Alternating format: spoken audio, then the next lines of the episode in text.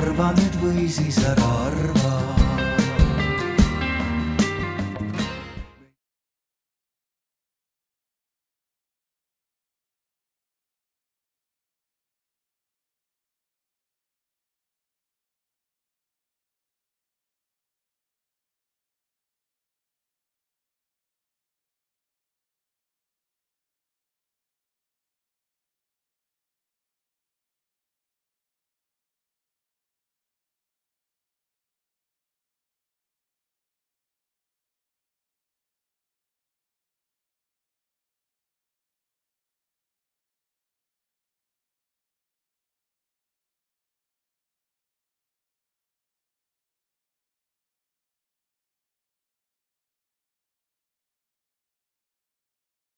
mida meie jõululauas, nii et, et äh, Siberi Eesti külad on kindlasti midagi, mida, äh, kuhu võiks eestlane minna ja saada aru, et tegelikult ka seal on tükikene Eestimaad ja eestlasi. aga sellest, millised need erinevad rändelained on kes on need välismaale minejad, seal elajad, äh, elavad eestlased ja, ja omakorda, kes on veel enam, kes on tagasitulijad ja kas peab alati tulema tagasi või saab olla eestlane ja Eestiga seotud ka siis, kui elada tuhandete kilomeetrite taga?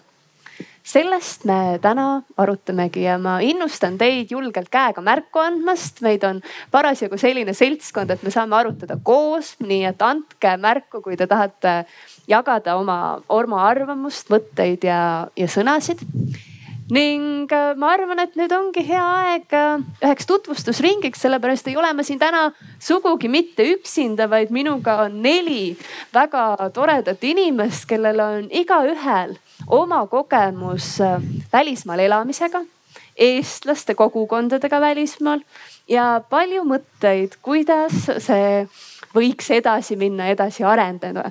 aga Kristjan, võta siit kohe sõnajärg üle aitäh, tere, mina olen äh, Kristjan-Erik Liive. Äh, Eestis sündinud, kasvanud ja siis kuskil kahekümnendal eluaastal äh, otsustasin, et võtta välja, võtta vastu siis väljakutse, viia ellu pooluitmõttena tekkinud plaan minna välismaale ülikooli. ja siis läksin Šotimaale, Edinburgh'i ülikooli õppima informaatikat ja andmeteadust. ja nüüd neli-viis aastat hiljem Äh, tagasivaates saan aru, et, äh, et side Eestiga tõesti ei ole mitte vähenenud, vaid hoopis kasvanud. et äh, seal on Eesti Selts. oli õnn olla selle president ja siis treasurer ehk siis, kes vaatab, et rahaasjad oleksid kõik korras. ja samamoodi siis selle käigust on arenenud koostöö välja kohaliku Eesti saatkonnaga Londonis, aukonsulitega ja, ja jällegi õnn on olnud olla osa sellest samast programmist, mis on siis äh,, vaatab, kuidas Eesti tahab tugevdada oma sidet äh, väljaspool Eesti piire paiknevate eestlastega, et siis äh, kaasa mõelnud ja, ja arutanud, et see on jällegi väga-väga vahva ja väga südamelähedane teema mulle. Kristjan, kuidas sinu tuttavate reaktsioon oli, kui sa ütlesid, et sa lähed, tahaks öelda, et eestlastele meeldib ju mõelda, et IT-lipulaeva riigist informaatikat, IT-d õppima hoopis välismaale. kas, kas, kuidas sinu lähedased sõbrad-tuttavad reageerisid sellele?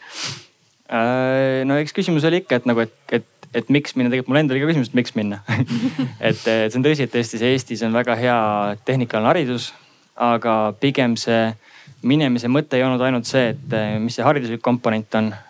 mõte oli see, et mul on võimalus äh,, miks mitte seda kasutada ja jällegi, et noh, see kogu need kogemused, oskused äh,, kontaktid, kõik see, kõik see muu, mis seal ümber on, kõik, mis jääb klassiruumist nii-öelda väljapoole, on ju. et äh, see oli see, mis selle kaali, kaalukausi sinnapoole kaalutas ja jällegi nagu alati oli hea tagataskus see kaart, et mul on alati võimalus Eestisse tagasi tulla. väga-väga tore eestlased on ju väli, tihti küsitakse, et mis välismaale tõmbab ja on öeldud, et äh, otse loomulikult rasked poliitilised olukorrad, aga haridus, pere, armastus, äh, äh, tööalased väljakutsed. Ellen, sinul on hoopis teistsugune kogemus välismaale sattumisega kui Kristjanil äh,. on küll, mul ei olnud selles valikut, ma sündisin väljaspool Eestit et äh, ma ma ei tea, kas see on, ütleme, et see on efektiivsus ja mitte laiskus, aga lehekülg viis Postimehes täna, siis on väikene artikkel sellest, miks ma siin üldse olen ja tutvustati ka mind, ma loen siit. Ellen Valter on Kanadas sündinud, kuid sidunud end ka Eestiga. üheksakümnendate alguses õppis ta Tallinnas lavakunstikateedris oma igapäevase advokaaditöö ja pereelu kõrval on ta kahesaja miljoni dollari hoiustega Northern Birch Credit Union, mis on Toronto Eesti Ühispanga ja Läti Ühispanga ühendunud pank, nõukogu esinaine ühtlasi on Ellen International Estonian Century uh, nõustava juhtkomitee esinaine, tegelikult ma olen nii-öelda project lead uh,. Toronto eestluse edendamise eest tunnustati teda kahe tuhande neljateistkümnendal aastal Valge Tähe neljanda klassi teenete märgiga nii et äh, miks, väga, miks, väga võimas. miks värskelt luua, kui see on juba kirjas olemas aga kui sa veel oma sõnadega äh, ütleksid, mis on see, mis on sind hoidnud eestluse ja Eesti juures, kuidas kõik need ettevõtmised, algatused on sündinud, et mis on pannud sind eestlaseks kasvama, teatavasti saab ju välismaal ka teistmoodi. Äh, saab küll see, et see tuleb lapsest külge, teeb asja palju kergemaks, et äh, keel on kodune keel ja siis saab nagu, see on palju kergem moodus, kuidas seda eestlust säilitada. ka siis, kui omal lapsed. Äh, ja võimaldab ka siis, äh, ma esimest korda käisin Eestis kaheksakümne kuuendal aastal nädalases, oi helikoop nädalasel turismireisil ja siis tulin kaheksakümmend üheksa tagasi ja ma tunnetasin siis, et need on minu inimesed, see on, kus mul hea olla. ja äh, ma nüüd räägin äh, kogu tõde ja see on, et äh, läbi eestluse saab väga palju huvitavamat teha väikese riigi kaudu näiteks äh, Ontarios oli, äh, produtseeriti telesaateid. no kui suuremast rahvusest, näiteks äh, no hiinlaste seast, no sa ei pääse sinna, aga eestlane, nii väikene armas makettriik, igaüks saab ennast teostada tänu selle eestlusele. nii et kas see on omakasu püüdlus võib-olla karmimalt öeldud, aga see eestlus lihtsalt annab nii palju võimalusi juurde, et sellest on raske ära öelda me tuleme nende teema juurde, juurde täna veel korduvalt tagasi.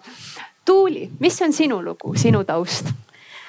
minu lugu on järgnev, et äh, mina olen Soomes elanud üheksa aastat. kusjuures see aeg on nii pikk, et äh, vahepeal ma arvasin, et ma olen juba kümme aastat, aga, aga siis mind jälle, jälle veidi parandati et äh, mina olen selline klassikaline aktivisti lapse stereotüüp tegelikult. ma olen kasvanud seltsides mul on äh, kogu aeg igas olukorras öeldud, et, äh, et vabandust, meid on nii vähe, et lihtsalt ütle, mida sa teha tahad ja sa saad selle ära teha ja me toetame sind. ja kui sa kasvad üles sellises toetavas keskkonnas, siis see annab väga palju julgust juurde ning hakkaski piiride kompamine, et kui palju ma siis päriselt saan Eesti eest ära teha, ise mitte seal elades mm. -hmm et äh, aastal kaks tuhat üheksateist olin ma siis, äh, sain selle au olla üleilmsete Eesti kultuuripäevade noortetegevuste juht. seal oli meil kaasas kuuskümmend kuus noordelegaati ning äh, puhtast noorte motivatsioonist ja sellest äh, sünergiast, mis seal tekkis, valmis äh, nende ööde jooksul tegelikult noorte deklaratsioon, millest kasvas siis välja ülemaailmne Eesti noortevõrgustik ja see on see, mida ma täna siin esindan. kui palju teid on ülemaailmses noortevõrgustikus? ülemaailmses noortevõrgustikus, ähm, see võrgustik ise, ma usun, ma usun, et meil on mingisugune viissada inimest aga seda on ilmselgelt liiga vähe, arvestades sellega, milline on see statistika ja kui palju meid päriselt olemas on. ütlen ühe korra veel, viissada noort Eesti juurtega inimest, kes saavad kokku üle veebi, kes on üksteist üles leidnud ja kes äh, jätkuvalt äh, tahavad olla Eestiga väga lähedalt seotud. et see on väga-väga äge mõte ja see on väga tore algatus, mida sa eest vead, nii et äh, kihvt Marin, sinu taust on jällegi sutsukene omamoodi, et me täna kõik siin täiendame üksteist, et räägi meile ka natuke endast. tere, minu nimi on Marin Mõttus, minu taust on tõesti omamoodi. olen välisministeeriumi diplomaatiline eriesindaja üleilmse eestluse teemal ja eh, minu välismaal elamise kogemus on siis minu neli välislähetust diplomaadina, aga mitte see pole praegu oluline.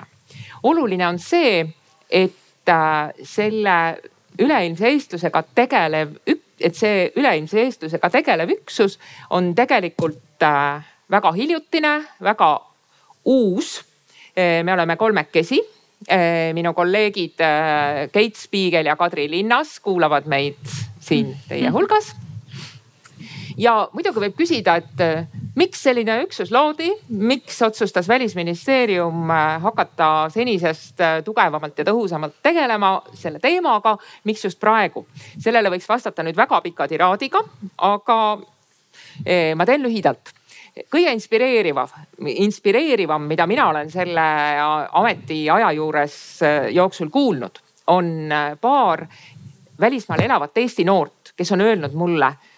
Minu jaoks seostub Eesti minu eneseteostusega, ma tahan ennast Eestiga seoses teostada. ja eh, vaadake, selline mõtteviis on nüüd eh, väga kõva kapital. ma ütleks, et see on suurem väärtus kui eh, maa sees olev nafta või pangas olevad kullakangid. nii et ma arvan, et see on selles mõttes nagu kohane, et Eesti riik on nüüd otsustanud rohkem õlga alla panna sellisele mõtteviisile ja kuidas, sellest ma loodan, et me saame täna siis rääkida. Täpselt nii, see on ju meid on ainult üks miljon, tihti öeldakse niimoodi, aga ei, meid on palju-palju-palju rohkem ja veel omakorda see tuhin, millega eestlased äh, välismaal viivad ees, äh, juhivad seltse, korraldavad sündmuseid, et äh, see jõud, mis seal taga on, seda võiks omakorda korrutada selle rahvaarvu mitmega, et ma arvan, et te kõik olete seda omas kogemuses näinud aga meil on täna videotervitused ka igalt poolt mujalt maailmas, nii et äh, see ongi väga hea hetk võtta esimene ja kuulata, et kuidas äh, välismaal elavad inimesed ise oma suhet Eestiga äh, kirjeldavad. tere Siberi eestlaste poolt. ma olen Valeri Grinberg ja mina olen pärit ühest Eesti külast Ülepsõõtukist ja mida tähendavad minu jaoks eestlus ja Eesti? vastates sellele küsimusele ma pean kindlasti ütlema seda, et suheldes või lihtsalt olles eestlaste või väliseestlastega, ma alati tunnen, et need inimesed mulle ei ole absoluutselt võõrad inimesed ja mina nendele ka ei ole võõras inimene. ning jällegi tulles tagasi selle küsimuse juurde eestluse kohta, ma pean tunnistama, et Eesti on midagi mis ühendab inimesi üle maailma väga erinevatest riikidest väga omapärase kultuuriga. ning Eesti eestlus on mulle isiklikult, on midagi, mis aitab kaasa inimestel ja eriti minul tundma, suheldes eestlastega, et mina justkui olen ülemsõõtukist, justkui mina olen kodus. see on minu jaoks eestlus ja Eesti. aitäh mul oli suurepärane võimalus äh, sellel aastal Valeriga teha intervjuu ja kaks asja, mida ta ütles, tabasid mind eriti lähedalt. esiteks äh, ta tõi välja selle, kuidas, kui tema esimest korda tuli Eestisse ja see on huvitav, kuidas ta tundis sellel hetkel, et tema on ju tulnud väiksest kogukonnast, kus eestlasi on käputäis ja enamik nendest on väga vanad. aga siis ühel hetkel ta tuleb siia ja Eesti on palju noorem, palju elujõulisem, siin on nii palju kultuurikihte ja tema kuulub siia sama palju. Ja see on üks asi, ma arvan, mida me tahame igas äh, väljaspool Eestit elavas noores süstida ja veel omakorda ta ütles, et äh, veel enam mitte ainult eestlastega ei tunne ta seda lähedust, vaid kõikide teiste välismaal elavate eestlastega, et see side on veel laiem kui ainult Eesti ja äh, Svettuki vahel või Eesti ja Soome vahel. Tuuli, kuidas sinu kogemus on? sina samamoodi oled suure osa oma teadlikust elust elanud äh, mujal, kas sa tunned samamoodi nagu Valeri siin äh, videos välja tõi? et kuidagi, et sinu inimesi on tegelikult veel rohkem ma usun küll, aga seda on väga raske ilma füüsilise kohtumiseta tunda sest üks asi on see, kui sa loed näiteks, et, et meil on keegi siin Ühendkuningriikides, kes ajab väga aktiivselt Eesti asja, olles samal ajal tudeng ja tehes mitmeid erinevaid asju veel. ja teine asi on see, kui sa päriselt saad selle kontakti. et tulen korraks tagasi ikkagi Esto peale, sest et meil on, Valera oli samuti meie noor delegaat. et sa nägid seda grupidünaamikat, sa nägid seda, kuidas ähm, terve festival kestis äh, nädal aega mm. -hmm. ja tegelikult teise päeva õhtuks said need noored omavahel piisavalt rääkida. et nad said aru, et, äh, et nad ei ole üksi mm. -hmm. ja et neil on äh, mõtteid, mida nad saavad koos üksteisega rääkides, arutledes, nad saavad neid võimendada mm. -hmm. ja nad saavad reaalselt asju paremaks teha mm. -hmm aga tuleme paar sammu tagasi.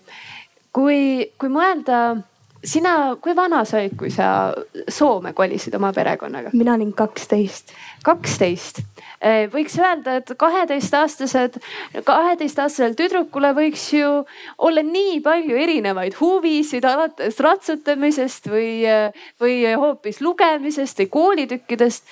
aga mis sind kõige selle kõrval pani veel ka õppima näiteks eesti keelt, jätkama eesti keele õpinguid või, või näiteks eh, tundma rohkem huvi selle riigi vastu, kus sinu, kus sa varem elasid, mis seda suhet ja seda sidet hoidis?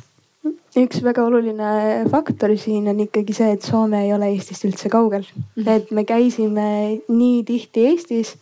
Äh, mul olin ikkagi piisavalt vana, et äh, mulle jäid need äh, kontaktid, mulle jäid need sõbrad.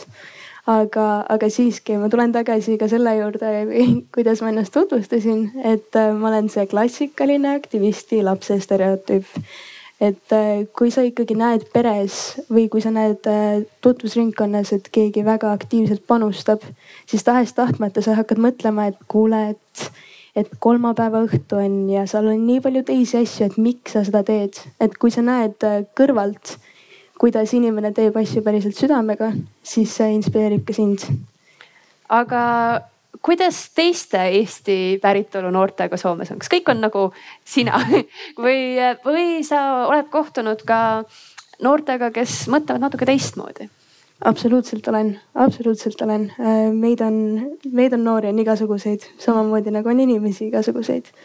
et äh, kindlasti, kindlasti väga paljud ei ole sellised nagu mina, kes äh, tõesti Äh, võtavadki, keda peab võib-olla rohkem kaasa kutsuma, et teeme seda üritust või, või tule ka kaasa, et äh, tõesti inimesed ähm, osalevad üritustel, teevad, osalevad aktsioonides erinevatel põhjustel. Mm. ja sellepärast ma arvan, on ka väga oluline, äh, kui teha noortega tööd või kui teha tõesti üldse ükskõik millise sihtrühmaga tööd, siis meil on igalühel omad huvid ning eestlasi välismaal, kes on aktiivselt kaasas ja kes on leidnud juba selle tee organisatsioonini või neil on põhjus, miks nad tahavad aktiivsed olla.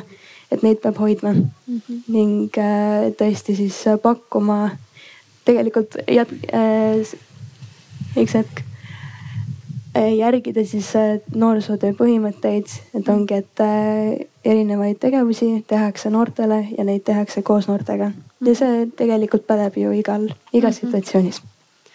Kristjan, sina läksid Eestist ära natukene hiljem.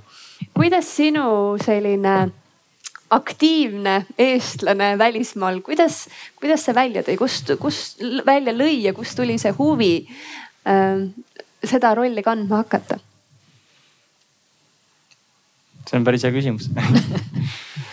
Aga ma arvan, et see nagu võib-olla samm tagasi, et enne kui ma läksin, siis jah, ütleme, et mul siis sellist nagu mingit Eesti kogukonna eestvedamise mingit äh, suurt tungi nagu teadlikult vähemalt ei olnud, aga mis oli, oli selline äh, probleemide lahendamise mõtteviis või äh, või tahe, kui tekib idee, siis vaadata, kas seda saab nagu ära teha.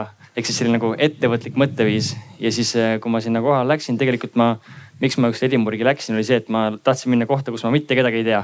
Äh, mitte sellepärast, et ma mitte kedagi näha ei tahaks, aga sellepärast, et vaadata, et kas ma saan nagu uuesti alustada ja nagu ennast uuesti üles töötada. ja tegelikult see oli väga tore teada ja näha, et seal on teisi eestlasi veel. äh,. täpselt nagu mina, täpselt sellised äh, tulnud Eestist, läinud välismaale õppima äh, kogukonnad äh, ja ja siis ma kuidagi vaatasin, et noh, ütleme, et see nagu haakus minuga, samamoodi nende väärtustega, et äh, lahenduste väljapakkumine, tekib nagu mingite asjade koos tegemine. ja, ja siis äh, kuidagi tuli hästi loomulikult, ma ütleks. ja siis äh, jällegi võib-olla see, võib-olla nagu see ettevõtlik mõtteviis minu jaoks või ettevõtlikkus minu jaoks hästi palju tegelikult seostub ka Eesti identiteediga mm.. mis on see, et kui meil on nagu mingisugune väljakutse, mingisugune probleem. Eesti kui riik kui me peaks iseloomustada, siis mina ütleks, et Eesti riik on ettevõtlik, Eesti riik on äh, selline probleemide lahendamisel orienteeritud ja me oleme piisavalt paindlikud, me saame need asjad ära teha mm. -hmm. et sellist äh, mõnel määral võib-olla nagu, nagu noort uljust või pealehakkamist, aga samas ka lootust ja usku, et seda on võimalik ära teha. kas äh, välismaal olles Eesti paistab kuidagi teistmoodi, kas on, mis on need asjad, mida sina hakkasid märkama või, või ka näiteks, kui sa seal sündmuseid korraldad või, või midagi eest vead, kas siis, millist Eestit sa edasi annad või mida, mida sa tahaksid hoida? Mm -hmm. et äh, eks selles mõttes nagu, kui vaadata kaugelt, siis ei ole seda nagu lähipimedust et, äh, et äh, nii-öelda iga, igapäevaste asjadesse ära uppumist, et siis sa nagu näed natuke selgemalt neid asju. Äh, ja loomulikult sa näed asju, mis on nagu hästi sinule meele järgi, asjad, mida sa võib-olla teistmoodi teeksid. ja siis jällegi nagu sa saad esindada seda, anda koha peal edasi seda tunnet, seda emotsiooni, seda kogemust, mis on sinu väärtustega kooskõlas ja seda siis nagu seal tutvustada, ehk siis sealt nagu lähebki hästi kokku selle nii-öelda rahvasaadiku või iga, iga inimene, kes on Eestist pärit, tegelikult enda kohaloluga juba annab teistele edasi, et okei okay,, nagu Eesti ongi selline. see on tore, mõnes mõttes sinu olemus annab ka edasi sedasama märksõna, mida sa ise välja tõid, seda ettevõtlikkust mm -hmm. või uuenduslikkust, mulle yeah. tundub, aga kas midagi veel nagu, mida just näiteks sinu tegevus kuidagi, et sa tahaks, et Eestist nähaks, nähtaks sellisena? Äh, jah, ma, ma kindlasti tahaks, et et äh, Eestit äh, nähtakse kindlasti nagu atraktiivse kohana, kuhu tulla, mitte võib-olla ainult turismireisile, vaid ka nagu elukohana. ja, ja tegelikult see on ka niimoodi, et mul endal on äh, kursusekaaslased, kes on tahtnud siia tööle tulla. nüüd noh, koroona pärast ei saanud, aga jällegi ta nagu on koht, mis inimestele pakub huvi, kuna siin on meie ajalugu, samamoodi meie nagu väiksuse unikaalsus, et kuidas see ikkagi on toimunud. et, et sellist Eesti on atraktiivne koht noortele ja igas vanuses noortele mm välismaal. et eh, nii eestlastele, kes on seal, et tagasi tulla ja samas ka nendele, kes on eh, teisest rahvusest ja mõtlevad, et, et noh, samamoodi, et nagu kui see väärtused lähevad kokku, et see mingi, mis on ettevõtlik, midagi, mis on eh, selline, kus saab oma ideid teostada, siis see on kindlasti koht, kuhu, mille peale mõeldakse mm. -hmm.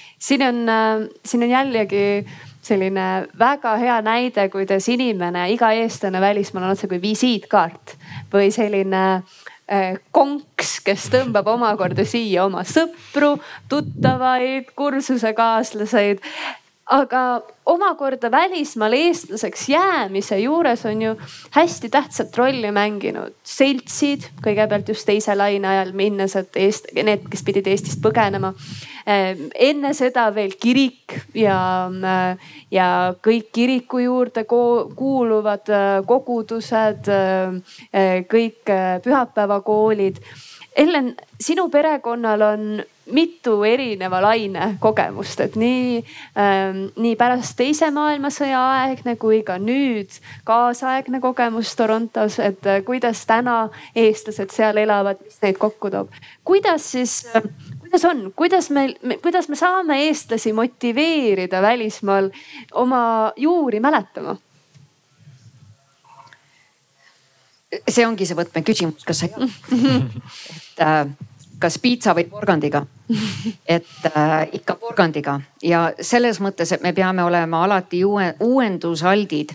et äh, nagu iga bränd ja eestlus on ka mingil määral bränd, et me peame alati kindlaks tegema, et see on ajakohane, et ta on uuendusvõimeline ja et ta strateegia on ikka nagu paigas. ma räägin nüüd nagu majanduskraadiga oma, oma äh, inimene, aga see, see see on vajalik, nii võtame tagasi siis esimene laine, see pagulaslaine, mis tuli siis äh, Kanadasse pigem viiekümnendatel aastatel, neljakümnendatel mm -hmm. jah, umbes siis oldi mingi aeg Rootsis, Saksamaal, kus mujal ja siis tuldi äh, äh, Põhja-Ameerikasse. ja seal tõepoolest oli kõik see seltsi tegevus oli niivõrd oluline, sellepärast et kohalik rahvas ütles, et et äh, õppige ära kohalik keel või minge koju tagasi mm. -hmm. no nii nagu tihti pagulastega äh, käitutakse, nii äh,. siis oli see omavaheline seltsi tegevus ja tugi oli väga oluline nüüd hakkame seda, seda väntama, seda ajaratast ja me näeme, et siis hakkas, äh, hakkasid nagu segaabielud tekkima ja lapsed olid äh, nii mitte ainult puhtalt eestikeelsed. ja see murdekoht Torontos toimus aastal umbes kaks tuhat viis, kui enamus neid kes loenduse alusel tundsid, et nemad on eestlased, identifitseerusid äh, eestlastena enamus neil oli üks vanem, kes oli eestlane, mis tähendab, et see eesti keel ei olnud mitte enam see primaarne moodus, kuidas me siis ühendusse astusime. tuli välja mõelda, kuidas me nüüd siis edasi seda eestlust hoiame kui meil see keel või see seltsielu hakkab nagu haihtuma mhm. ja siis tekib selline küsimus, et kuidas mitte, et me ei jää eestlasteks, vaid me saame neid Eesti sõpru juurde ja me tekitame nendest äh, mitte-eestlastest elukaaslastest ka mhm. estofiilid, estofännid. ma mäletan selgelt, ma olin loovtegevuse õpetaja Toronto Eesti lasteaias ja küsisin oma lapsepõlvesõbranna käest et äh, kuule, aga sinu, sinu abikaasa on eestlane, lapsed noh niimoodi, et miks te oma lapsi Eesti kooli ei too või Eesti lasteaeda. ja ta ütles, no kui te hokit pakuksite näiteks, hokilaagrit, no siis me tuleksime. tähendab see eestlus peab, seda tuleb serveerida täpselt äh, sellel kandikul, nagu see inimene on võimeline seda vastu võtma ja saab oma pere tingimustes. nii et mitte me hakkame nüüd hokilaagrit tegema, aga et see eestlus peab olema piisavalt kättesaadav ja et inimene tunneb ennast ära et inimene tunneb ennast ära selles eestluses, mis on parajasti seal olemas, nii et mida ma vean äh, Torontos on see keskus International Estonian Center, mis on selline uus visioon, mis kajastab seda, mida need nii-öelda pagulaseestlased, milleks nende järeltulijad, nende edu äh, ja nende huvid kaasata ka siis need, kes on viimase kolmekümne aasta jooksul tulnud Eestist ja ka see ainevahetus Eesti ja Põhja-Ameerika vahel ja ka Kanada ja USA vahel ja Kanada ja teiste riikide ja mandrite vahel. sellepärast, et äh, hajala eestlaskonnad on ka omaette selline kurioosum, neil on ka nagu omad traditsioonid ja oma normid, et nad püsiksid mingil määral ka noh, hajala eestlastena, mitte ainult eestlastena mm. -hmm nii et see oli selline pikk vastus küsimusele, et kuidas, mis, mis võtmega ja ikka porgandiga, et äh, tekitame neid asju, kus inimestel on hea tulla, kus nad tunnevad end ära. ja nagu Tuuli ütles, peab ikka olema mingi füüsiline paik, mingi koht, kus saab kokku tulla, kas see on siis Esto või laulupidu mm., äh, iganädalane tegevus või selline üle pikema aja mingi festival või, või kokkusaamiskoht, kus jälle kinnitada seda, seda usku. Mm -hmm.. võib-olla see kirik on nüüd see eestlus ja mitte see mm -hmm. noh, luteri kirik. Mm, -hmm. ma ei tea, ma ei tohi võib-olla vist seda öelda.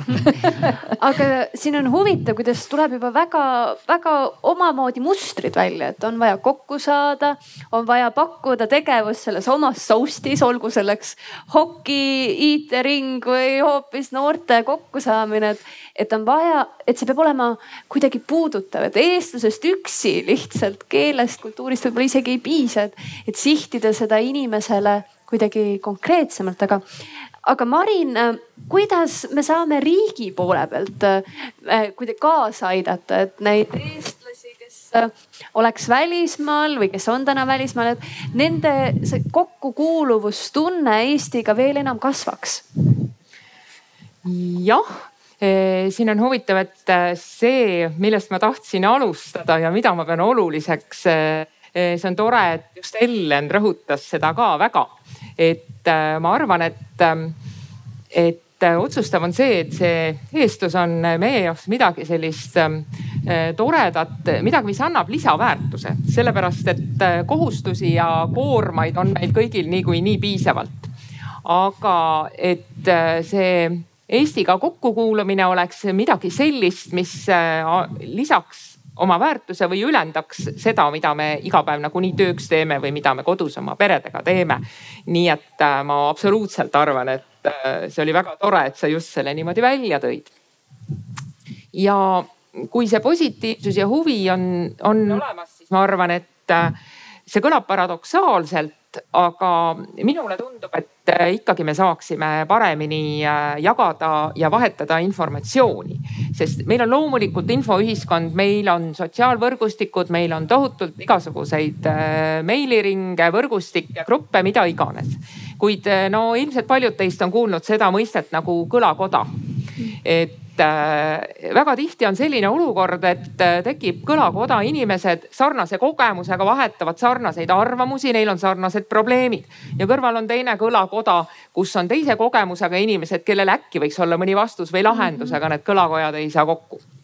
ja selle, ma arvan, et see saab olema siin Eesti riigi poolt üks niisuguseid olulisemaid asju meil toimib praegu portaal, mille nimi on Global Estonian, mille eest me peame olema tänulikud Kanada eestlaskonnale ja eh, me tahaks muuta seda dünaamilisemaks eh, nii, et, et ta võib-olla toimiks meil natukene paremini ja et sealt oleks info paremini leitav.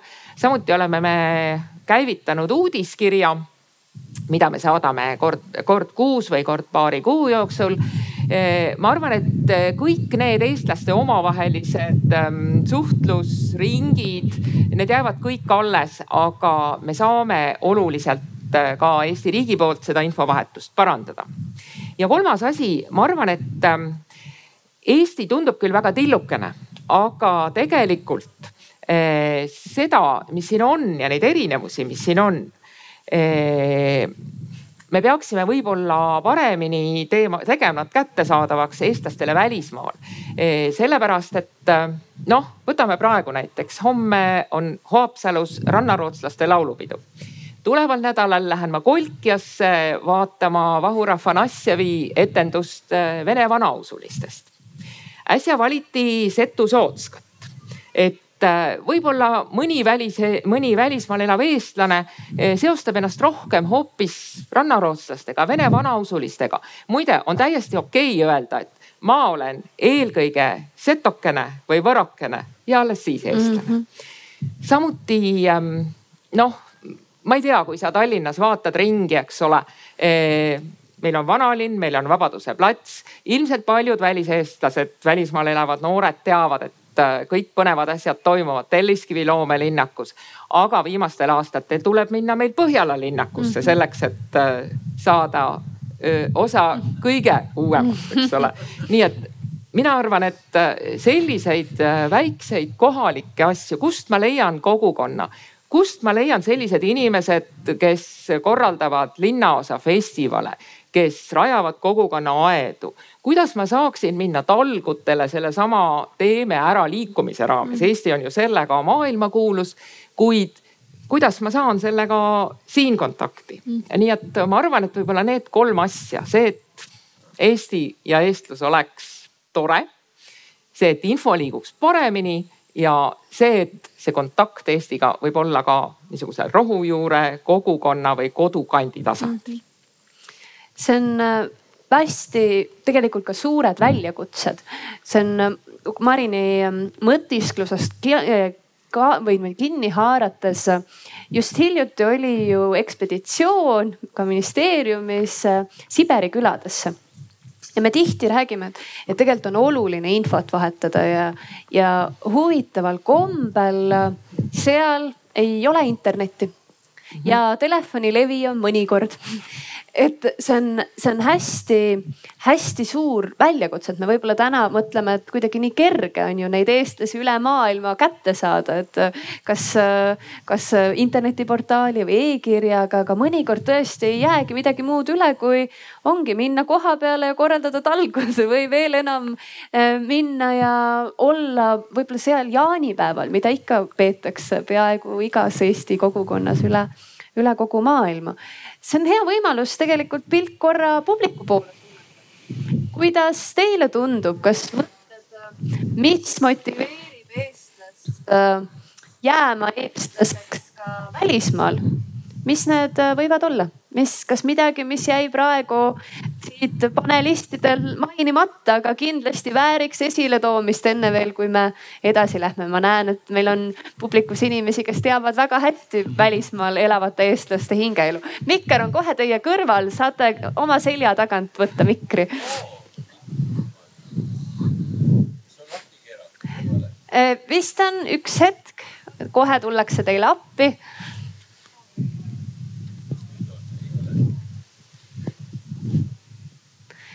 nagu ikka, tehnika tahab äh, natukene saada aega ja putitamist.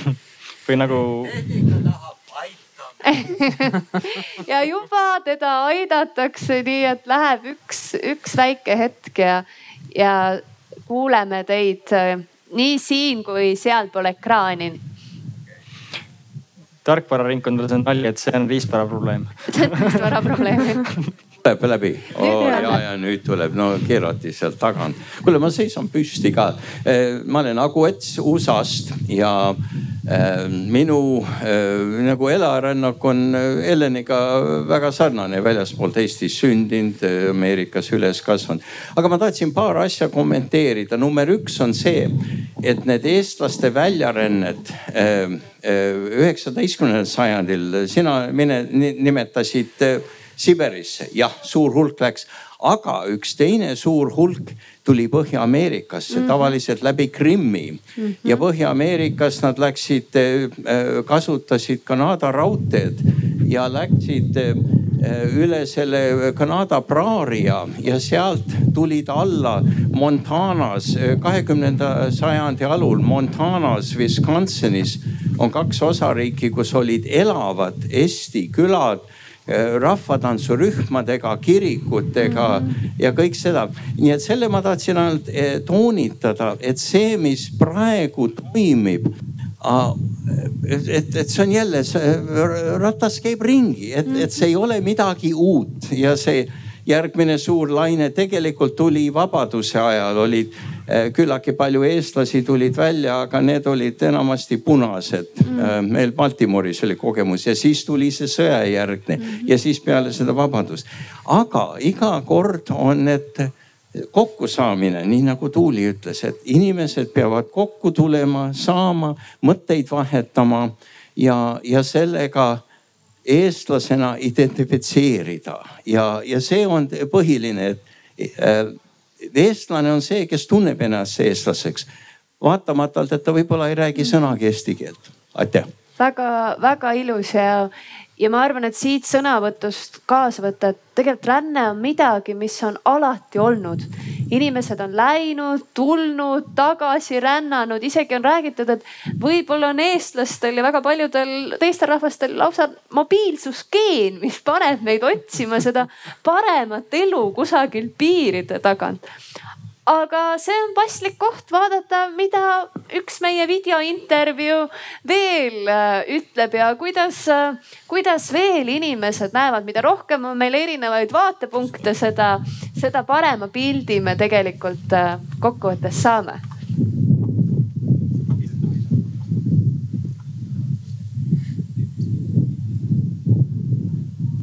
Põgenikud teise maailmasõja ajal lapsepõlves rääkisid minu vanemad minuga eesti keeles. nii. ma elan nüüd Uus-Meremaal, minu vanavanematest kolm on Eestis sündinud, üks sakslane ja mu vanemad mõlemad sündisid Kanadas pärast, kui mu vanavanemad olid põgenikud teise maailmasõja ajal. lapsepõlves rääkisid minu vanemad minuga eesti keeles, nendega nende vanemad nendega ma käisin ka Eesti koolis kord nädalas ja Eesti gaidikoondustel ja suvelaagris. Ähm,. minuga on lood teisiti, ma kolisin kahekümne ühe aastaselt Uus-Meremaale ja kohtasin siin mu meest ja mul on ähm, väike tütar siin. Ähm, ja nemad on Kiwis Uus-Meremaalt meil ei ole siin Eesti ühiskonda kahjuks, aga ma üritan oma tütrega eesti keeles rääkida. ja kuigi ta ei räägi, kui, kuigi ta ei vasta mulle eesti keeles, ta saab suurem jagu aru. Ähm, ja me laulame eesti laulusi alati, ähm, kui ma panen teda magama öösiti ähm, ja mu lootus tema jaoks on, et ta alati kannab seda sinimustvalget oma südames ja et ta tundub, tunneb ähm, nagu kuidagi ja üks päev loodan saata teda ka Eesti laagrisse, kas Kanadas ja Eestis ka äh,. tervitusi Paidesse. see on äh, jällegi üks hea näide, ma ei tea, kas te kuulsite, ma kordan selle veel ühe korra üle. et näiteks emad laulavad oma beebidele eesti keeles, et isegi kui beebid enam ei oska või laps, väiksed lapsed ei, ei korja seda keelt emakeelena ülesse, siis sellised väiksed asjad nagu näiteks hällilaulud jäävad nendes kogukondades väga-väga kauaks ajaks aga üldse iga eestlane, nagu me juba esimeses paneelis või pooles rääkisime, et iga eestlane on väärtus.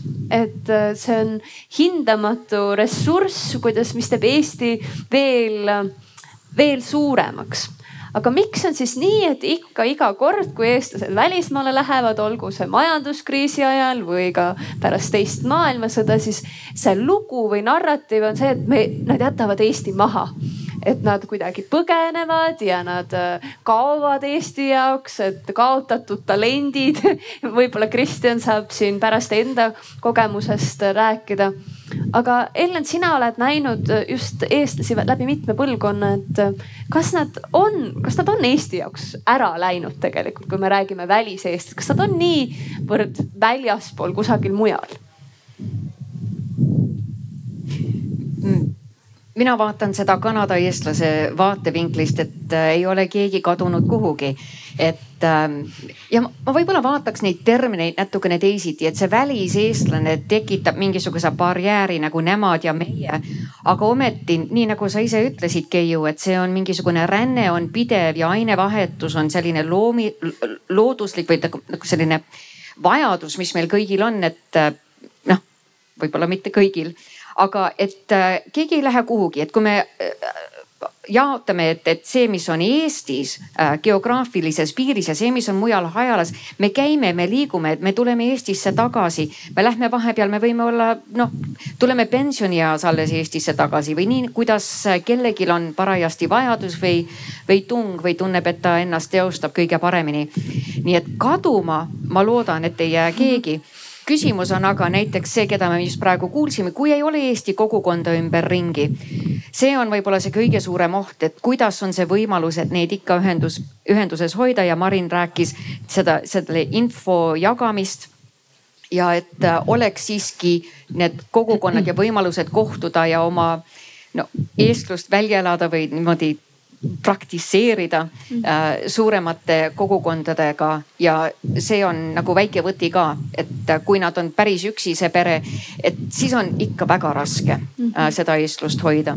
et kui me proovime neid kogukonniti ja neid äh, kuidagi ikka siduda, siis ma loodan, et keegi ei, ei jää eemale, keegi ei jää kadunuks äh,. alati leiab tee tagasi eestlusele ja Eesti teadlased. see oli võib-olla liiga Pollyanna, liiga sinisilmne, selline idealistlik, aga. see on väga-väga äh, ilus vastus ja eriti ka näiteks rännet uurivad teadlased on loonud sellise mõiste nagu hargmaisus ja eesti keeles on ka hajala eestlus, et äh, nad mõlemad viitavad sellele, et eestlastel ei pea olema äh, või ükskõik mis rahval ei pea olema üks sünnikodu et me olemegi võib-olla tänava, tänapäeva maailmas kõik natuke hargmaised, et kes loeb äh, teise riigi ajalehti või olgem ausad, ma arvan, et enamik vaatab meist rohkem ingliskeelseid filme ja võib-olla meie meelelahutust täidab äh, Netflix või kuidas tegelikult on võimalik olla mitmes ruumis korraga.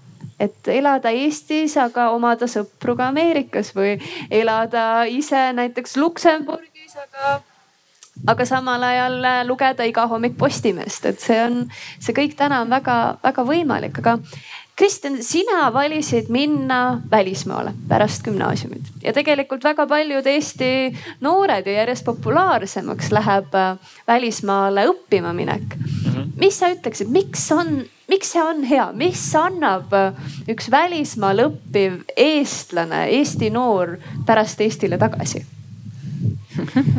see on äh, selles mõttes põnev, et äh, enne kui midagi saab anda, siis sa umbes pead nagu teadma, et mida anda. Ja kui, kui sa oled ühes keskkonnas, siis sa nagu võib-olla ei õpi väga maailma või mingite uute asjade kohta, mis saaksid anda juurde, kui sa lähed ära, sa näed, mis seal on tehtud, mis võimalused on, mis on inimestevahelised suhted, dünaamikad, mis seal, mis on kohalikud traditsioonid ja sa saad võtta selle kasvõi rahvusvahelise kogemuse, empaatiavõime, mis sul tekib paratamatult, kui sa pead proovima ennast panna olukorda, mida teine teisest kultuuriruumist inimene selles olukorras mõtleb või teeb ja tood selle teadmise tagasi.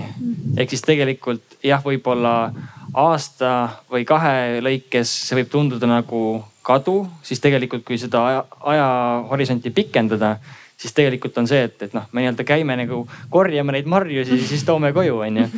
et, ähm, et noh, see ongi see, et, et, et selleks, et midagi juurde luua, sa pead kõigepealt selle kuskilt saama ja ma arvan, et ärakäimine maailmast nagu tervik terviklikuma pildi arusaamine on, on see, see pool, et noh, näiteks mulle meeldib hästi seda analoogi tuua, et kui me vaatame mingit punkti, noh kasvõi seda posti on ju. et äh, mina vaatan siit, siitpoolt, mina näen, et okei okay,, siin on üks nagu helehall ja tumehall külg äh,. aga samas nagu näiteks äh, seal Juku istub ja tema näeb seda hoopis teise külje pealt, seda posti äh,. aga selleks, et ma saaksin tervikliku pildi sellest postist, ma pean nagu ümberringi käima. ma pean kogu erinevat nurkade alt seda asja nägema ja samamoodi on ka nagu enda maailmapildi kokkupanemisega, et kui me vaatame maailma siit Eestist, siis meil on ainult see üks külg või üks jupike sellest küljest, aga selleks, et saada seda kogupilti, me peamegi ringi käima. -hmm. et see on see nagu nii-öelda terviklik arusaam on see, mida siis ma ütleks, terviklik arusaam ja see rahvusvaheline kogemus ja, ja empaatiavõime on need asjad, mida siis on kõige sellisemad äh, võib-olla tajutavamad, neid on kindlasti nagu palju-palju veel. Ja ma võin neid loetama jäädagi, aga jah. see on väga tore metafoor sinu poolt, et, et väljaspoole Eestit minevad eestlased nagu marjulised, kes korjavad need head kogemused ja, ja põnevad praktikad kokku ja toovad saagi pärast kodu Eestisse tagasi aga kuidas tihti ju nagu eestlased, kes lähevad välismaale õppima, tihti noh, ise ikka mõtled, et nagu see on kõige parem tee ja, ja saad targaks ja, ja kõik need kogemused. aga kuidas riik seda näeb? no ma arvan, et äh, kui me nüüd vaatame Eesti riigi pilguga, siis tegelikult ma näeksin siis niisugust kolme sammast mida meie välismaal elavad rahvuskaaslased saavad riigi jaoks teha ja seda on väga palju. esimene oleks välis- ja julgeolekupoliitika, ma tean, et see on natukene niisugune ootamatu. et Eesti julgeoleku tagamisele saab tegelikult meie üleilmne eestlus väga palju kaasa aidata. enne meid oli siinsamas püüne peal Eesti välispoliitika creme de la creme olgem ausad, neil oli ka natukene rohkem rahvast, aga küllap me kosu ja e, minu väga särav kolleeg Jüri Luik ütles loomulikult, millega me kõik oleme nõus, et Eesti julgeolek e, põhineb e, NATO, NATO heidutusel ja rahvusvahelisel õigusel, mis kõik on õige. absoluutselt nõus, kuid tuleb ju lisada, et seda tegelikku julgeolekut tagavad meile ikkagi need riigid ja rahvad, need riigijuhid ja poliitikud kes on nende lepetega ühinenud. ja siin saab iga välismaal elav eestlane eh, teha ära väga suure töö. ma arvan, et igaüks, kes on toonud juurde ühe Eesti sõbra, on pannud juba ühe tõhusa tellise sinna Eesti julgeolekumüüri ja Eesti sõbra all ma mõtlen mõnda inimest, kelle jaoks Eesti ei ole selline tundmatu tilluke riik Venemaa piiril, mille pealinn ei tule hästi meelde, vaid inimene, kellel on mingi isiklik suhe oi, mul tütar õppis seal, mul naabrimees käis seal mm. turismireisil, mul vennal on seal ärisuhted, ma kuulsin Eesti Kontserti. nii et see on, see on puhas julgeolekupoliitika. ma väidan seda ja teine on loomulikult meie majandus ja ärisuhted. no ma arvan, et see on seletamatagi selge, aga eks ole ju riikidel äh, nende majanduskeskkond on väga erinev ja me ju kõik teame, et tegelik, tegelikult ärisuhteid ei sõlmita ainult nendel kuulsatel B2B kohtumistel Neid sõlmitakse ülikoolides, neid sõlmitakse korporatsioonides, neid sõlmitakse kooli lastevanemate koosolekul ja neid sõlmitakse igasugustes sellistes huviklubides. ja vot see on ju kõik meie välismaal elavatel inimestel käes ja seda saavad nad kasutada. siin üsnagi äsja on Linked, LinkedInis ähm, loodud keskkond Global Estonian Business Network, mida ma soovitan kõigil huvilistel uurida. ja tõesti, riigid on ju erinevad, no mõnes riigis on üsnagi ikkagi keeruline turule siseneda või investoreid leida. väga tore oli hiljutine näide näiteks Jaapanist. No Jaapan on tõesti selline riik, kus on väga keeruline toimetada.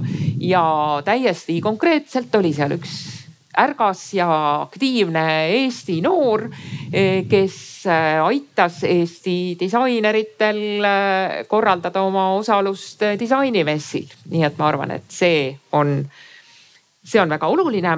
ja kolmas asi on selline noh, rahvadiplomaatia öeldakse mõnikord ja mina ütleksin Eesti lugude jutustamine. sellepärast, et ähm, just nimelt need inimeste lood on need, mis teevad Eestit lähedaseks ka välismaal elavatele inimestele. nii et äh, iga eestlane, Eesti sõber, estofiil, kes räägib Eesti lugu kusagil mujal äh,, jälle ikka paneb ühe väikse lisanduse sinna Eesti mainesse ja see maine on see, mida me kõik koos ju rajame. nii et need kolm asja olen täiesti nõus äh, kõigega, mida me just kuulsime. Vabamul on juba neli aastat praktika. Igal suvel võttes Stanfordi ülikoolist kaks-kolm tudengit Eestisse praktikale siin me igal aastal kogume raha selleks. meil on äh, palju inimesi, näeb terve hunnik vaeva selleks, et leida neile tegevusi, tuua nad siia, koordineerida, eriti koroona ajal kaugelt Eesti ja, ja, ja siis California vahelist suhtlust. ja tihti ka minu töötajad, Vabamu meeskond küsib, et miks me seda teeme aga me teeme seda just sellepärast, et iga aastaga me aitame kaasa sellele, et meil on tulevikus kaks tippjuhti maailmas, kes teavad, kus Eesti asub. ja see hakkab väga-väga väikestest äh, sammudest. Tuuli, kuidas sulle tundub ähm, kui, kuidas äh, näiteks Soomes, mis on nii lähedal võrreldes äh, kõikide teiste maailma riikidega, kuidas, äh, kuidas teie ja sinu põlvkond näeb, et mida, mida Eestisse tagasi tuua, mida võib-olla siin veel ei ole, kuidas, kuidas siinset elu paremaks teha, kas noored üldse mõtlevad nii? ma usun, et noored mõtlevad kindlasti niimoodi, tahes-tahtmata me ikkagi Äh, kui me saame midagi kritiseerida, siis me tegelikult ju alateadlikult alati ka mõtleme, et mida mina siis teha saaksin. Äh, mis on see muutus, mida ma näha tahan. iseasi on, et kas me päriselt hakkame sellega tegelema või mitte. Äh, siin on paar asja, mida ma tahaksin, millele ma tahaksin viidata. näiteks ma olen seotud ka Soome-Eesti noortega, ma olen asutaja ja nüüd alates kahe asutamisest saadik Äh, olen juhatuse esimees samuti ja meil on äh, selline väga-väga tore statistika, kus, ähm, kui sa oled ähm, need inimesed, kes jõuavad äh, sinna organisatsiooni, et pooled neist ikkagi räägivad, et ja, et, et näed, et mina tahan nüüd Eestisse tagasi minna. muidugi see tuleneb ka sellest, et, et lahkuti. See kolmas, kolmas laine, millele sina viitasid majanduslikel põhjustel ja sellepärast on ka see tagasiminek äh, paljudel rohkem mõttes kui, äh, kui võib-olla veidi kaugemal nii, kas sa aga saad palun? kas äh, tahetakse minna ülikooli Tartusse ja. või Tallinnasse või kas mõeldakse, et äh, ühel hetkel tahaks teha äri Eestis või millised need tulevikuunistused üldse on seoses Eestiga, kas tahetakse siia tagasi kolida? no peamiselt tegelikult äh, ju noored lahkusidki sama vanalt kui mina, ehk siis see ülikool on nagu järgmine see karjääriaste, mm. mida teha või haridusaste et äh, väga paljud äh, tahavad hea ülikooli minna, mis on äh, muidugi ka siis suur väärtus Eestile, et tõesti kõik ei lähe Eestist ära, vaid tõesti tullakse ka tagasi see on äh, hästi suur, see on hästi suur äh, au mõnes mõttes Eestile, et, äh, et meie haridussüsteemi niivõrd väärtustatakse, et, et ka välismaal Eesti peredes kasvavad lapsed tõesti tihti valivad Eestisse ülikooli tulla. aga see ei ole ainuke aeg. näiteks toob Eestisse ka inimesed tagasi meie väga hea vanemapalk. kui inimesed hakkavad perekonda looma, siis jällegi uuringud näitavad, et nad eelistavad kodukohana Eestit ja otse loomulikult ei tule see võib-olla üllatusena, aga nii paljudki, kes, keda töö on elu jooksul viinud välismaale, siis nemad ütlevad, et hiljemalt pensionieaks tulevad nad siia tagasi. Ja, ja väga paljudel eestlastel ongi ju siin suvekodu või, või majapidamine, sugulased, sõbrad aga kuidas teie näete, meil on jälle hea võimalus pöörata pilk publiku suunas ja, ja küsida, et ka milline rikkus veel on välismaal elavad eestlased, mis, mis võib-olla jäi kõlamata, võib-olla tahate hoopis teistel teemadel meie panelistide käest midagi küsida, uurida. selleks on väga hea võimalus just nüüd. andke käega märku, siinsamas on üks küsimus, väga tore.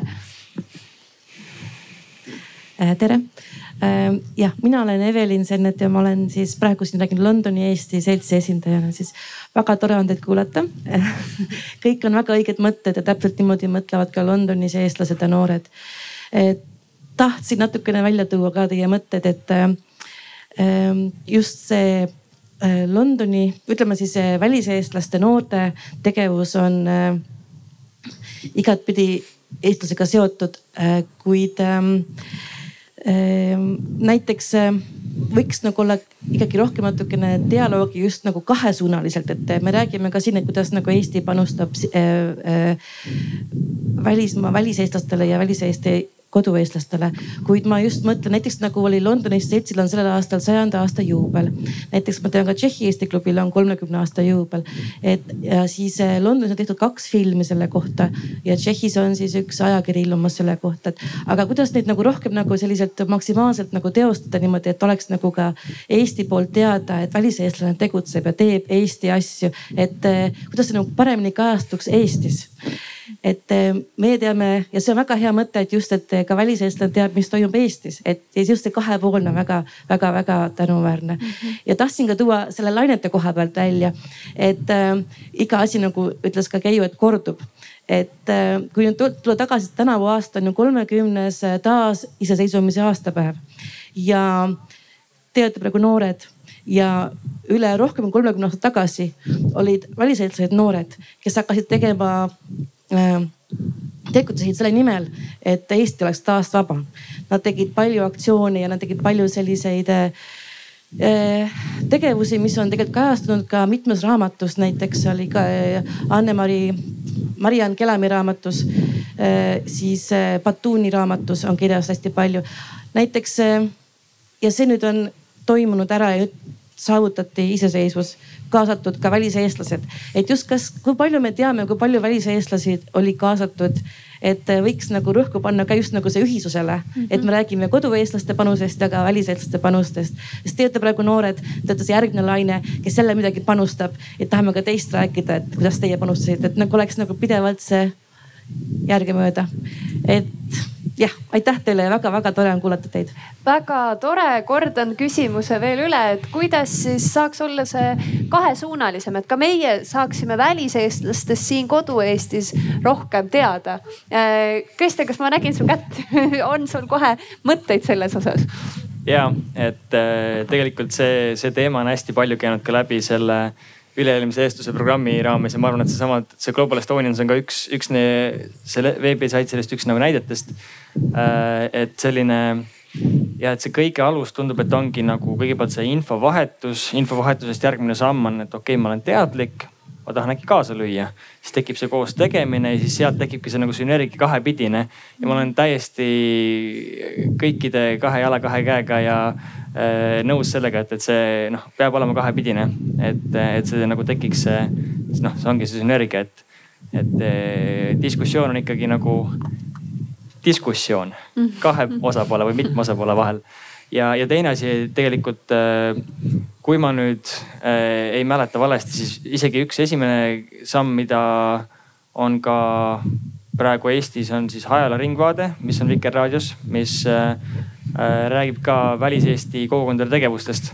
et äh, ma ei tea, kui regulaarselt seda, see eetris on, aga see on ka üks selline idee, mis sellest nagu välja kasvas, et, et kindlasti jah, nõus, et kahepoolne arutelu ja infovahetus. väga-väga hea näide juba ka juurde. Marin, sina tahaksid lisada? hästi lühidalt tahaks lisada, et ma arvan, et huvi on küll olemas siin Eestis. Ja meil on plaan jah, sinna Global Estonian portaali kuidagi luua, noh, ma ei oska öelda, kas see saab olema midagi arvamusplatsi sarnast, sarnast või teadete tahvli sarnast, aga kus eh, välismaal olevad Eesti kogukonnad saaksid oma selliseid uudiseid ja sündmusi kajastada. aga muidugi me kõik ju teame, et kui ikkagi tahta midagi eh, noh kuskile saada pressihuvi, siis seda tuleb, sellega tuleb tegeleda ette nii et äh, ma soovitaks, et kui teil on midagi toredat tulemas, mida te tunnete, et te tahaksite Eestis teada anda, et siis andke meile teatava varuga ette, sellepärast et noh, meie kontaktid on olemas nii uudiskirjas kui ka Global Estonian.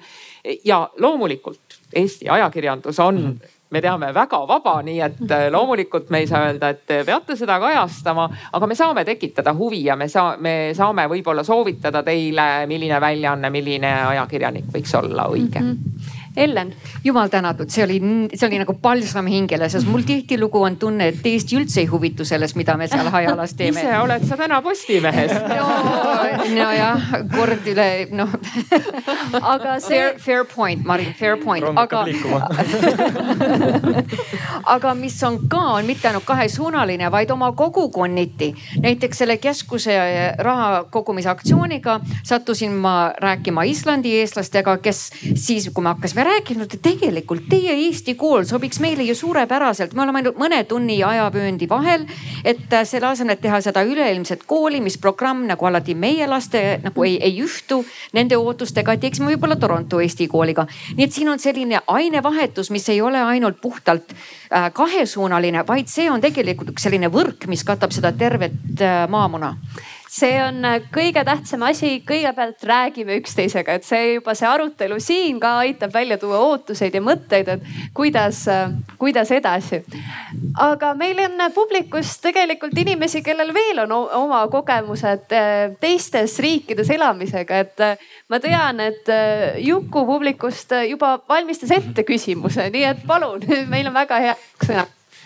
aitäh oh uh,. no aitäh teile, väga huvitav vestlus seni Juku Gold Kanadast ja uh, no väliseestlased ja meie keskorganisatsioonid on alati seisnud Eesti vabaduse võitlemise eest ja, ja see ei ole kuhugi kadunud, eks ole uh,. näiteks on eestlaste kesknõukogu Kanadas, Rootsi Eestlaste Liit, ERKÜ Ameerikas, igasugused organisatsioonid. Ja nad on päris palju tegutsenud, kaasa arvatud uh, viimaste aastate jooksul uh, näiteks Global Estonian portaali loomisega, millest on, on juttu olnud, aga küsimuseks siis et kuidas saavad üleilmsed eestlaste, äh, üleilmsed eestlaste keskorganisatsioonid kõige efektiivsemalt äh, kaasa aidata valitsuse üleilmse eestluse programmi elluviimisega? Ja võib-olla kuna sellest ei ole nii palju räägitud üldse sellest programmist.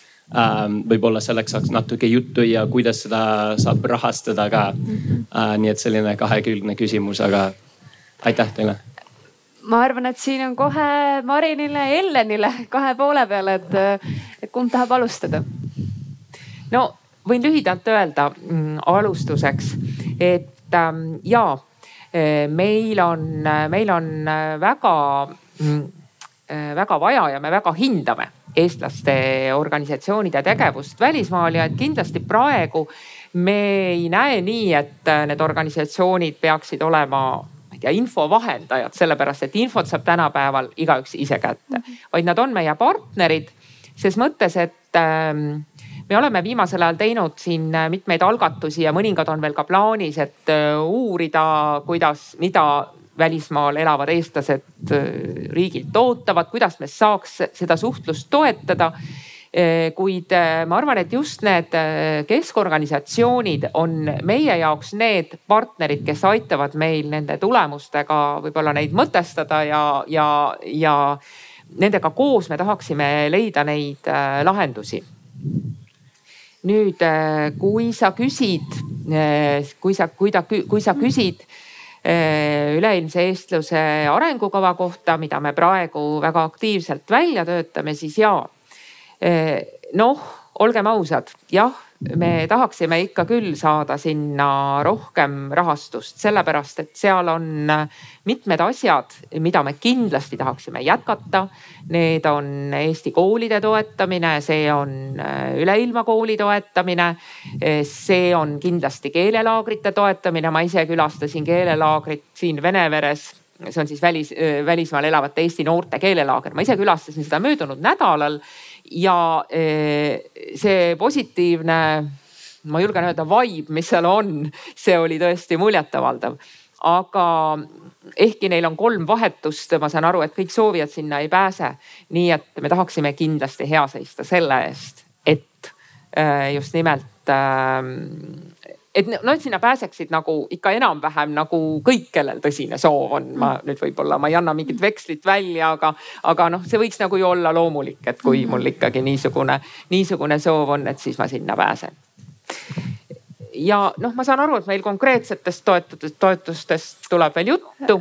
kohe jõuame ja. ka konkreetsete mõteteni, kuidas edasi, aga ma saan aru, et Tuuli tahaks veel lisada. ma lisan väikese kommentaari, et ka mina olen Head Eesti laagri selline kasvandik olnud, neil neli aastat olnud nii et on näha, et programm töötab väga tõhusalt kas keegi veel tahab äh, mainida kommentaaride küsimusele, lisada vastust? Ma lisaks võib-olla siit selle rohujuure tasandi veel, et, et samm edasi, et nendest keskorganisatsioonidest samamoodi võib-olla ka väiksemate organisatsioonide või ka mingisuguste isegi indiviidi tasandini, et samamoodi nagu kohalikud seltsid, nagu meil oli näiteks nagu näide oli Edinburgh'i Eesti Seltsiga eh,. korraldasime ühte kontserti, Nublu kontserti ja siis oli see, et okei okay,, et noh, et igasugused väljakutsed, et eh, aega oli vähe ja võib-olla natukene oli vaja raha juurde leida ja siis küsisime kohalikult saatkonnalt, et, et, et mis te arvate, kas, et kas te teate kedagi, keda, kes võiks huvitatud olla õla alla panemast?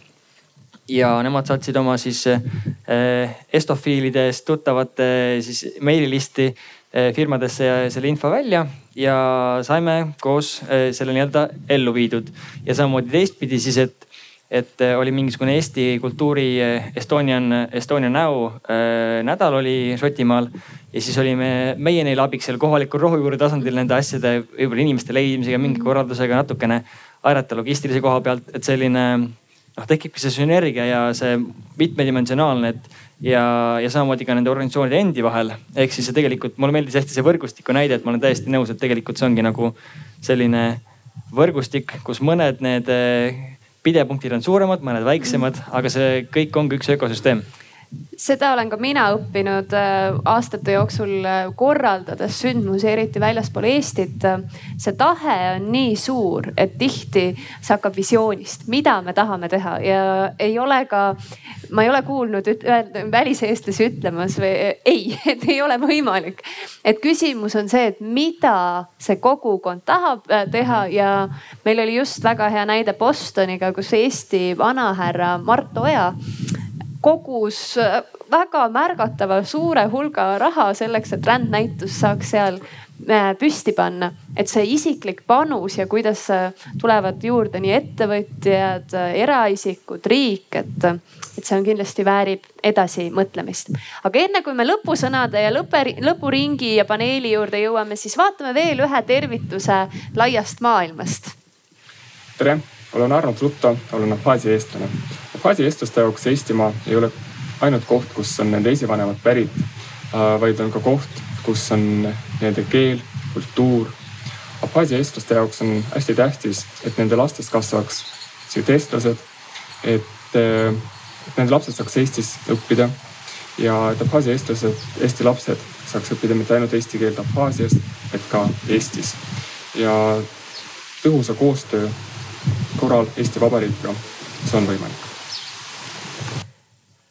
Me oleme kuulnud tänase paneeli jooksul juba mitmeid ettepanekuid, et kuidas edasi. Mida on vaja teha, kus saab see aktivismi pisik alguse, mida toovad äh, välismaal õppivad noored tagasi Eestile, mida riik on valmis tegema. ma annan kõigile panelistidele siis äh, võimaluse lõpusõnaks just mõtiskleda edasi, kuidas edasi. et mis on see, kuidas, kas riik, äh, kogukonnad ise, tudengid välismaal või üldse üle Eesti või üle ilma elavad noored eestlased, mida igaüks saab teha või mida ta ootaks selleks, et tema saaks jääda eestlaseks, et oleks Eestiga veel natukene rohkem äh, seotud. aga alustame, Marin, äkki sinust? ja aitäh, ma äh, ma loetleksin siis lihtsalt eelkõige, sest ma saan aru, et väga palju aega enam ei ole, aga ma loetleksin selle, et äh, mida me siis kavatseme nüüd riigi poolt ütleme jätkata ja, ja milliseid uusi asju me kavatseme teha. ma juba mainisin seda, et äh, eesti keele õpet äh, me toetame ja kavatseme edasi toetada. no ma olen ise hariduselt Eesti filoloog ja õpetajana töötanud, ma olen sügavalt keeleusku inimene nii et äh, ma loodan, et me jätkame toetust Üleilmakoolile. Äh, me jätkame toetust Eesti koolidele ja me oleme hästi avatud äh, kõikvõimalikke muid virtuaalkeeleõppe võimalusi arutama. konkreetselt tegeleb, tegeleb sellega Integratsiooni Sihtasutus, kes ühendavad endas sellise õhina ja samas sellise pragmaatilise lähenemise. selles mõttes, et nendega saab arutada olenevalt sellest, kui palju on huvilisi, kus nad on, mis tüüpi, mis tasemel inimesed nad on, siis alati saab teha sellise täiesti nii-öelda rätsepalahenduse. ja selles asjas võib pöörduda kas siis meie poole või siis otseselt ka Integratsiooni Sihtasutusse siis üks asi, mida ka nüüd Keiu sa juba mainisid, aga mis tundub meile asi, mida me väga palju pole teinud, on see, et tuua ehm, Eesti noori välismaale Eestile, Eestisse praktikale, sest see on üks võimalus, et sa saad nagu niisuguse pikema kogemuse, sa saad oma suhtlusvõrgustiku ja see tegelikult äh, on äh, noh, niisugune sisuline asi, sellepärast et see õnnestub siis, kui õige inimene viiakse kokku õige asutuse või ettevõttega.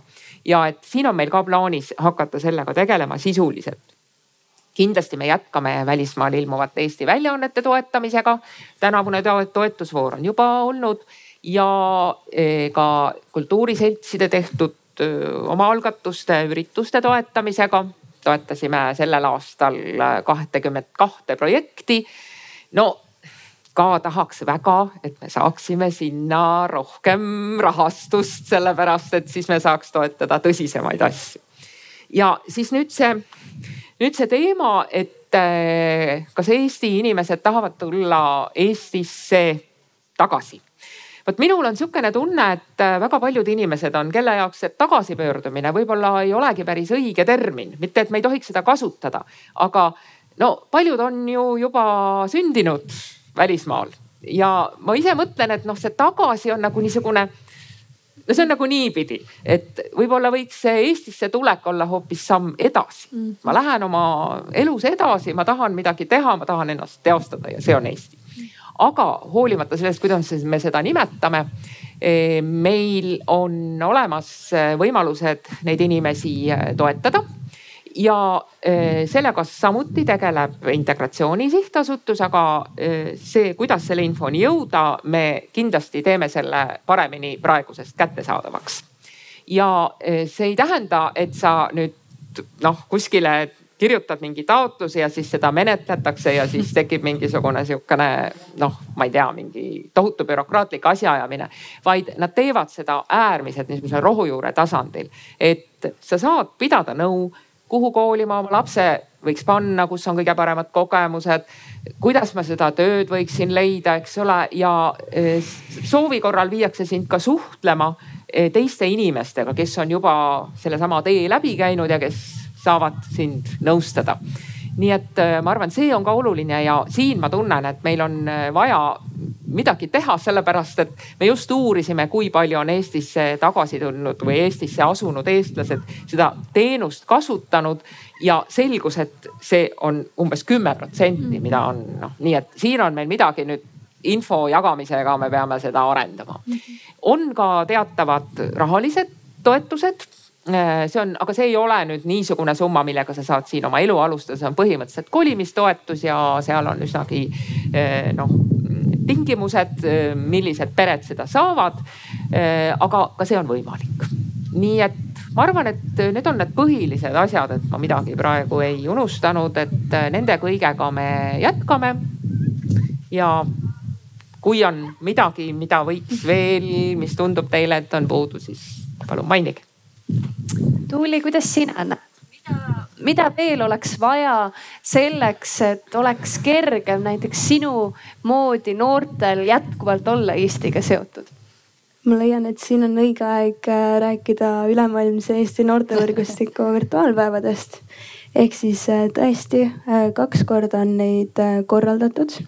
Meil oli ühises virtuaalruumis kokku kahe aasta peale siis sada kolmkümmend noort kahekümne viiest eri riigist ning äh, valminud on umbes kahekümne leheküljeline kokkuvõte, et tõesti üleilmse eestluse koostöökomisjoni teemad arutati seal üksipulgi läbi ning äh, seal on nii siis selliseid üldisemaid ettepanekuid kui ka konkreetsemaid et need tõesti on seinast seina näiteks, et Eesti võiks pakkuda ja luua sellise kohandatud noorsootööprogrammi, et noored saaksid äh, leida seda motivatsiooni ja see oleks äh, paremini kohaldatud.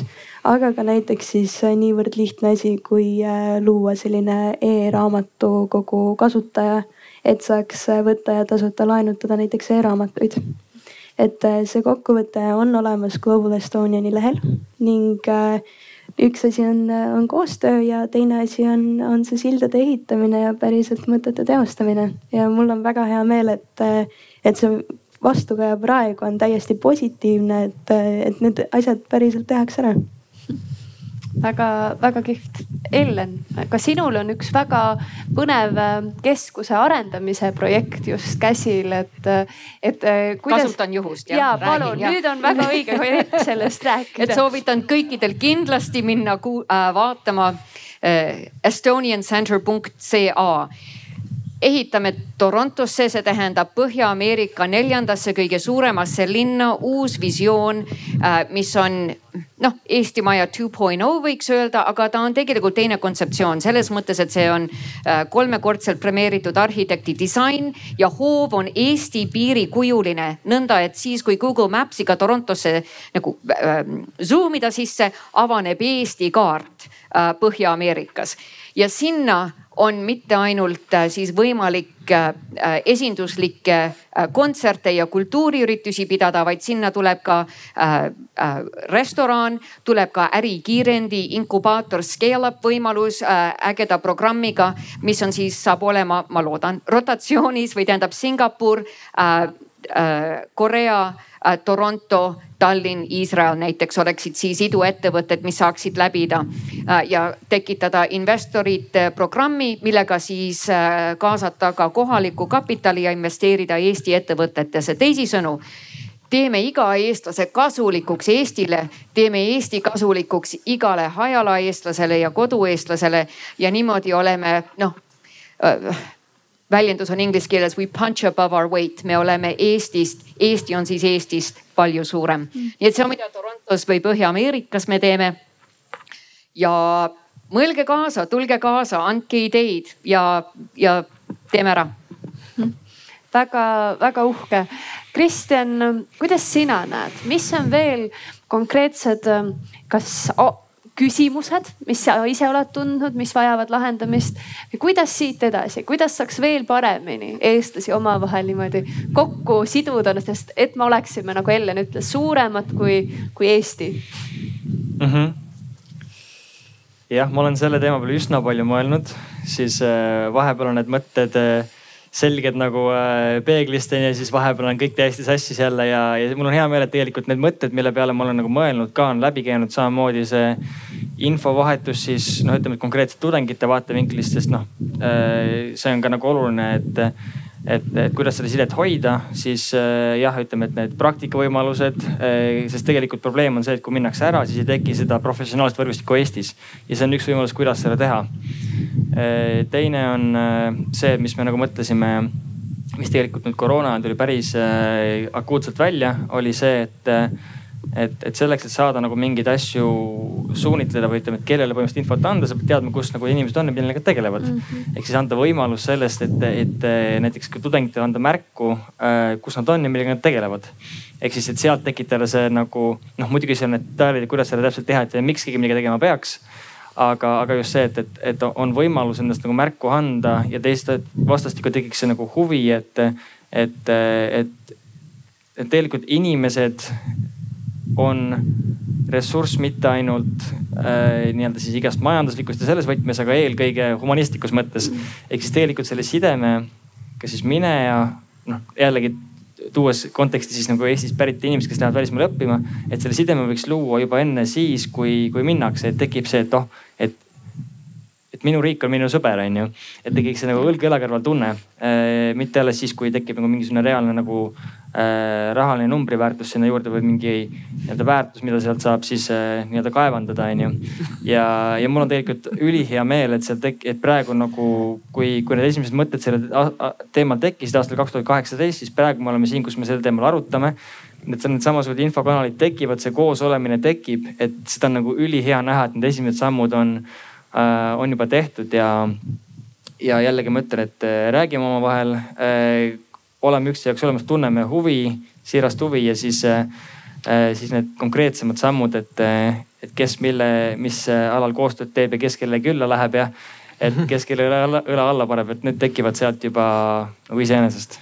Loodetavasti sa ei võtnud minu võrdlust, kus ma võrdlesin Eestis ennast teostavaid noori nafta või kullaga. ei, ei, ei, ei, ei, ei absoluutselt ei, selles mõttes, et see on jällegi, ma ütlesin, et see on nagu, mis, mis ma olen mõelnud hästi pikalt, et tegelikult äh, jah, see on äh, noh, inimesed, me oleme emotsionaalsed, et me tahame, et meid Just. nagu et me, me, et me tahame, me tahame tunnet, et meist keegi hoolib, et me, me oleme inimestena kellegi jaoks olulised. Ja mis on siis veel mis oleks veel paremale, kui tunneme, et riik meist hoolib, et siis meil on hea turvaline koht kuskil olla ma arvan, et see on väga ilus sõnum, millega lõpetada. ma arvan, et see on ka üks keskmeid sõnumeid kogu meie paneeli äh, jooksul, et tegelikult äh, eestlased, kus iganes te olete, kes te vaatate meid üle veebi või kes te olete siinsamas meie seas äh, paneeli kuulamas teid, teist hoolitakse, et, et ei, ei pea tagasi tulema võite olla seal ja olla, olla eestlased ja, ja meie omalt poolt kutsume teid külla, kutsume teid kaasa mõtlema, kutsume teid üheskoos tegutsema, et, et see Eesti meie ümber saaks olla veel, veel suurem suur aitäh kõikide panelistidele, osalejatele ja kohtumiseni uutel samasugustel toredatel ja edasiviivatel aruteludel. hurraa. selge, selge, kõike teha.